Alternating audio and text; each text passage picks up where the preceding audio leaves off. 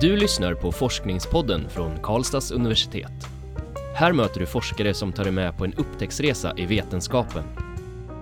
Den här podcasten görs av publiceringsstöd vid universitetsbiblioteket.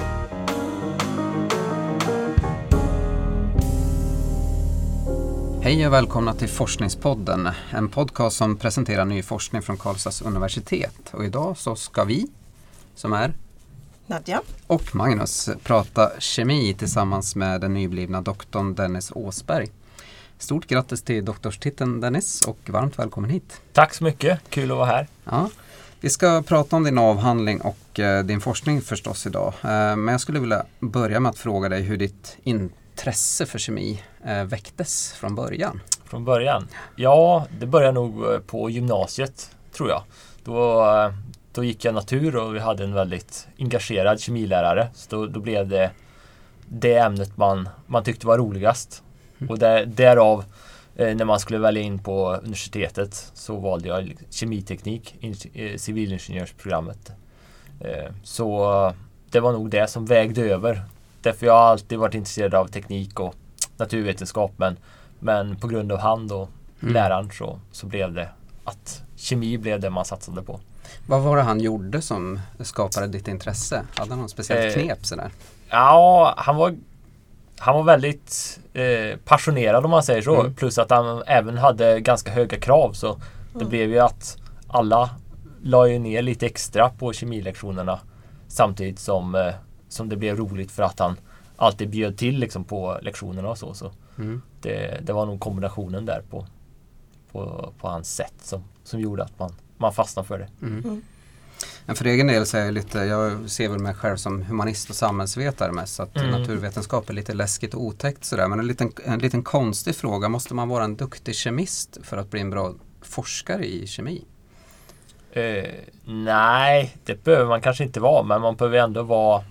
Dels behöver man ju ha intresset och sen så hjälper det väl om man har lite liksom, talang med, med matematiken och, och analytiskt tänkande. Det, det, det är väl inte fel. Därför, men, eh, men jag tror absolut att man, att man kan bli en bra forskare ändå. Mm.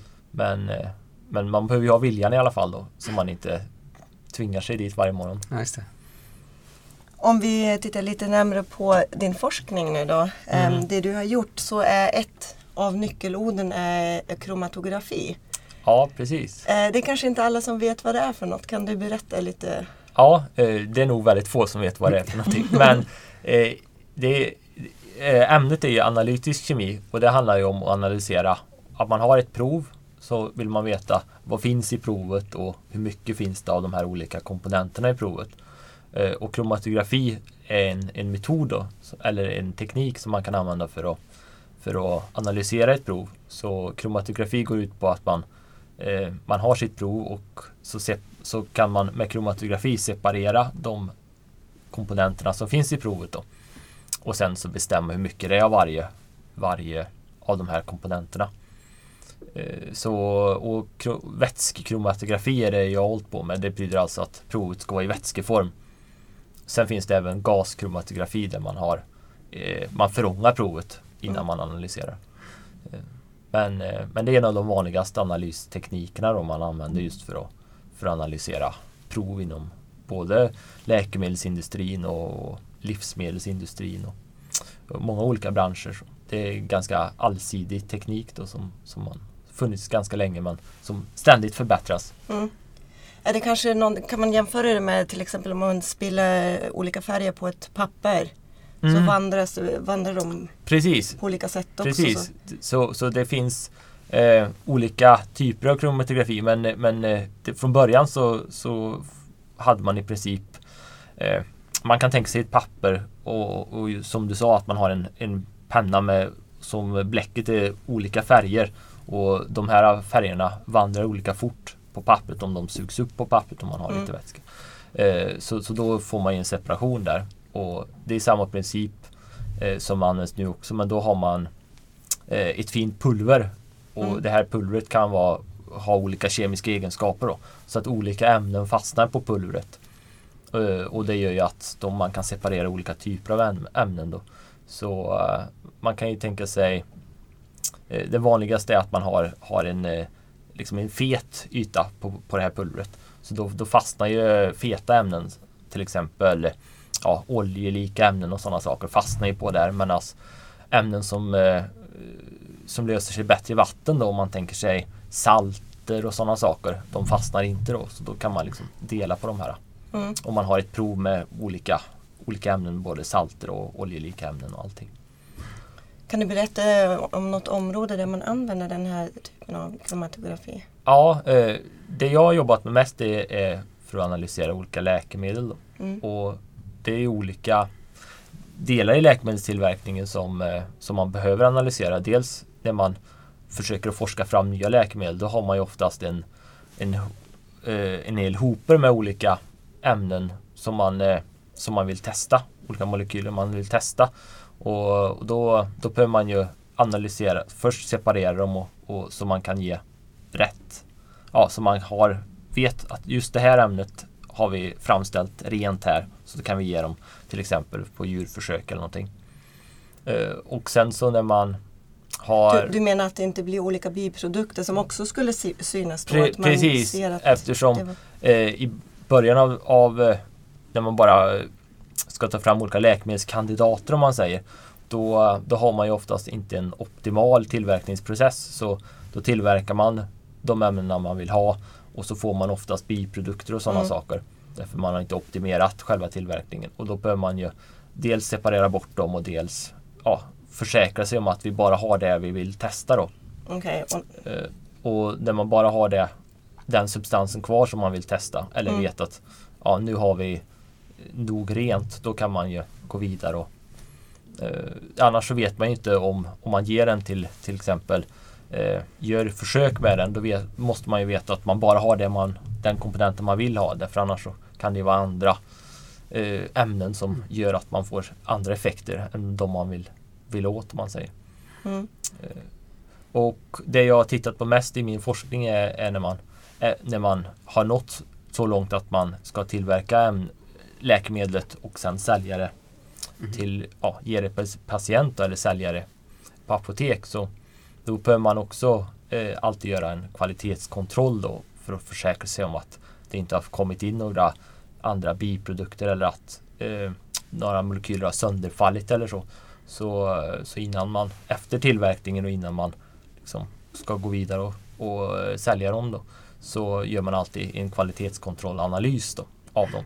Och det, det är den applikationen som jag har tittat på mest. Mm. Och in, i din avhandling tittar du på två olika kromatografimetoder egentligen. Det Mm. är en som har använts ganska länge Ja, och en precis. som är lite nyare. Mm. Och som jag har förstått det så går det nyare ger mycket snabbare och mycket bättre resultat. Det blir mycket Mm. tydligare.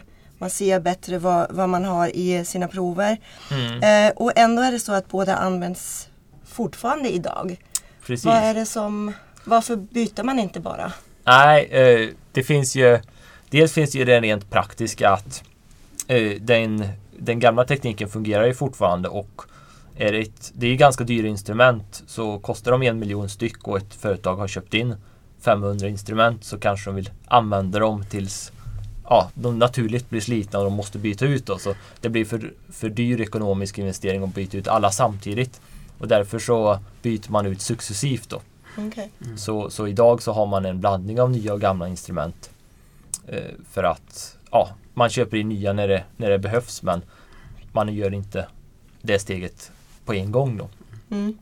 Eh, så, och sen så är det ju även lite jobb därför som, vi har sett, som jag har sett i min forskning så är det inte bara att ta den gamla metoden och köra på det nya instrumentet utan oftast så måste man göra lite modifikationer och, och eh, verkligen förstå vad som händer så inte metoden ändrar sig Mm. så man får ett annat resultat eller så. Och det, det kräver ju inte forskning men det kräver ju att det är folk som jobbar med det. För varje metod så är det någon som ser till att det fungerar bra och eh, gör de ändringar som behövs och sådana saker. Så det är ju även ett liksom, tidskrävande jobb då.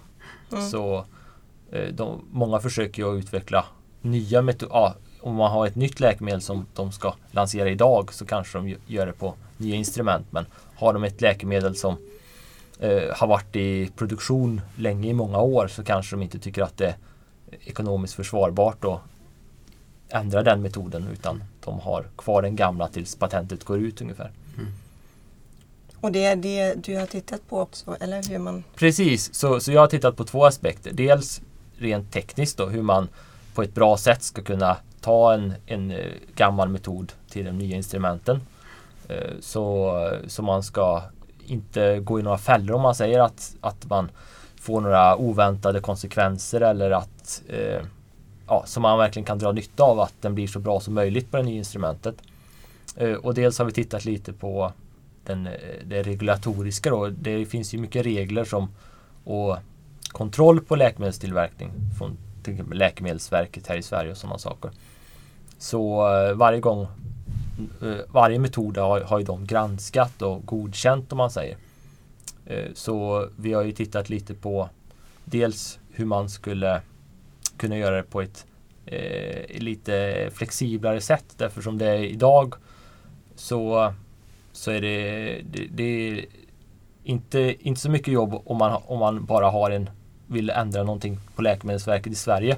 Men sen så är det väldigt många andra marknader som man mm. till exempel i Kina och det är Brasilien och det är USA och det är Japan och det finns väldigt många platser och det är väldigt många myndigheter man ska eh, ja, ha kontakt med och, och, och berätta om de ändringarna man vill göra.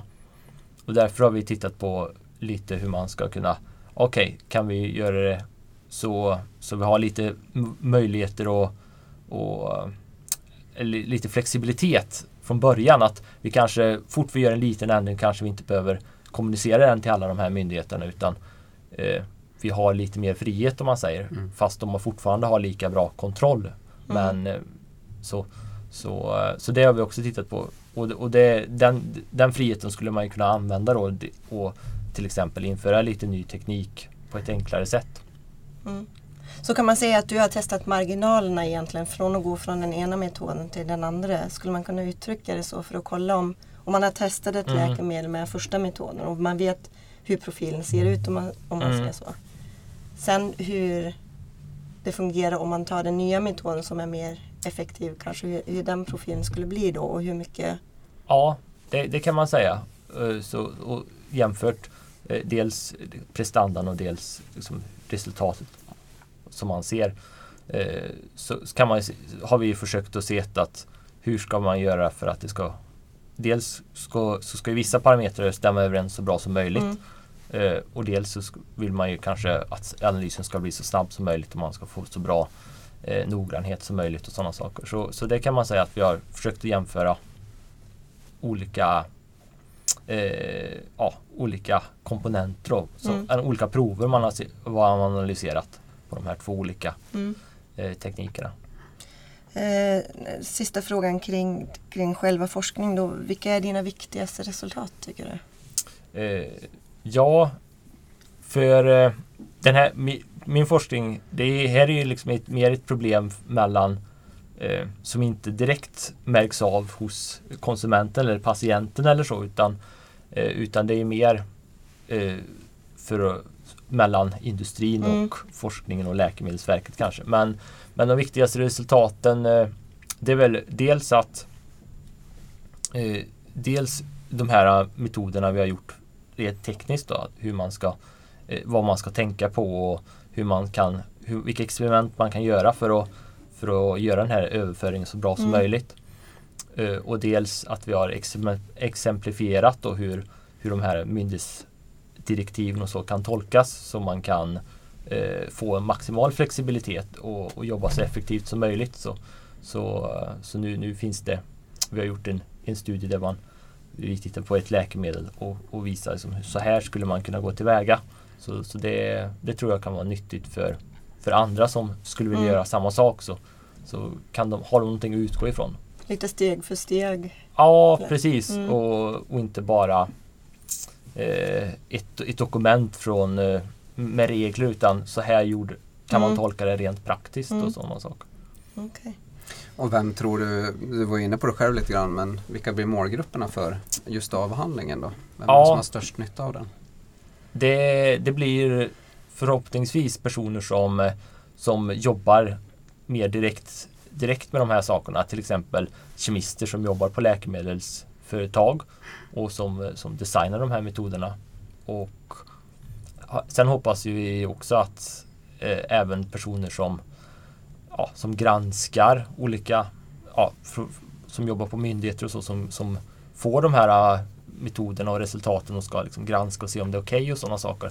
Att de också eh, kan ha nytta av avhandling för att se okay, vad är det vi ska titta extra noga på mm. och sådana saker. Hur ser det ut? Du pratar om Läkemedelsverket och att det är förstås stora företagsintressen i det här också. Mm. Lite nyfiken bara på hur hur relationen ser ut eller sker den här typen av forskning också inom företagsvärlden, inom läkemedelsföretagens egen forskning så att säga? Gör de eh, liknande saker? Ja, det, det här är projekt, eller min avhandling har vi gjort delvis tillsammans med AstraZeneca så eh, man kan ju säga att om man har en, en kontinuerlig skala så ligger väl företagsforskningen eh, på, på eh, så långt åt ena hållet som möjligt där det är tillämp tillämpbart. Så, så de, de vill ju gärna direkt utgå från liksom ett praktiskt fall de har och lösa det mm. problemet. Men alltså, den akademiska delen vill ju gärna ha mer fundamental forskning och resultat som man kan generalisera. Kanske för all, massa olika sorts prover och sådana saker. Mm. Så, så min forskning har ju varit en blandning. Viss, vissa delar har varit mer praktiska medan vissa delar har blivit mer eh, fundamentala och mer fördjupande. Mm. Eh, så så det möts ju på, på något ställe i mitten där. Ja, just det. Hur ser det ut för dig själv framöver? Vilka planer har du? Mm. Eh, nu när jag har jobbat i akademin ett tag så skulle jag gärna vilja gå till industrin så jag har fått jobb på ett läkemedelsföretag som heter Novo Nordisk. Mm. Eh, som, eh, som kemist för just att jobba med att ta fram olika analysmetoder. Så, så det ska bli kul att, att få, få se den praktiska delen mm. och verkligen vara med ända till slutet. Eh, och då tror jag att den förståelsen man har fått och, och den kunskapen man har fått här på när man har forskat inom akademin kan vara en bra hjälp. Men, eh, men eh, det ska bli ändå bli kul att, att hamna där på den sidan om man mm. säger. Mm. Vi hoppas att du kan få lite forskningsuppslag där också då, så att vi kan få tillbaka det här till, hit till ja, universitet sen. Eh, Vår sista fråga eh, handlar egentligen om akademin och eh, vi undrar ifall du har något gott råd till nya doktorander som följer efter dig. Eh, vad är det viktigaste tycker du som man behöver eh, som ny för att ta sig en hela vägen som du har gjort fram till disputation? Mm. Ja, först så ska man väl eh, man ska ju inte ge upp det, det är viktigt. Det kan ju vara stunder, i alla fall i början, som, som det känns som att man aldrig kommer komma ända fram. Utan eh, oftast så kommer resultaten bara om man är tålmodig och fortsätter att jobba på så, så löser det sig. Så, så det, det är nog viktigt att man inte ska eh, tycka att det är för, för jobbigt om det, om det går dåligt. Att man får man är en månad och inga experiment fungerar men fortsätter man att kämpa så, så löser det sig ofta. Mm. Så det, det, är bra att veta i början att det är inte meningen att allt ska gå på räls utan det kommer vara små hinder. Så det, det, är nog det viktigaste. Och även att man, att man känner att, att det är kul att man har en forskning, forskningsfråga eller någonting som man, man känner att det här, det, här, det här skulle jag... Inte kanske att det är roligt att gå, att gå till labbet varje morgon men att det ändå är i stora hela är att det är någonting man tycker är intressant så det tror jag hjälper också. Det låter som den gamla gymnasielärare där ekar lite grann. Ja, liksom. precis. Passionen och drivet. Ja. ja, jag kanske har kommit så långt. Jättevarmt tack Dennis för att du gästade Forskningspodden. Det var superintressant och lycka till med fortsatta arbete. Mm, tack för att jag fick komma. För den som är, som är intresserad av att läsa dennes avhandling så heter den Fundamental and Regulatory Aspects of UHPLC in Pharmaceutical Analysis. Um, ni kan hitta den fritt tillgänglig i vår forskningsdatabas DIVA. Och tack också att ni har lyssnat idag. Eh, ni är välkomna till nästa avsnitt och då träffar vi Tobias Otterbring som berättar om sin forskning i psykologi. Du har lyssnat på Forskningspodden från Karlstads universitet. Den här podcasten görs av publiceringsstöd vid universitetsbiblioteket. Alla avsnitt hittar du på kau.se forskningspodden.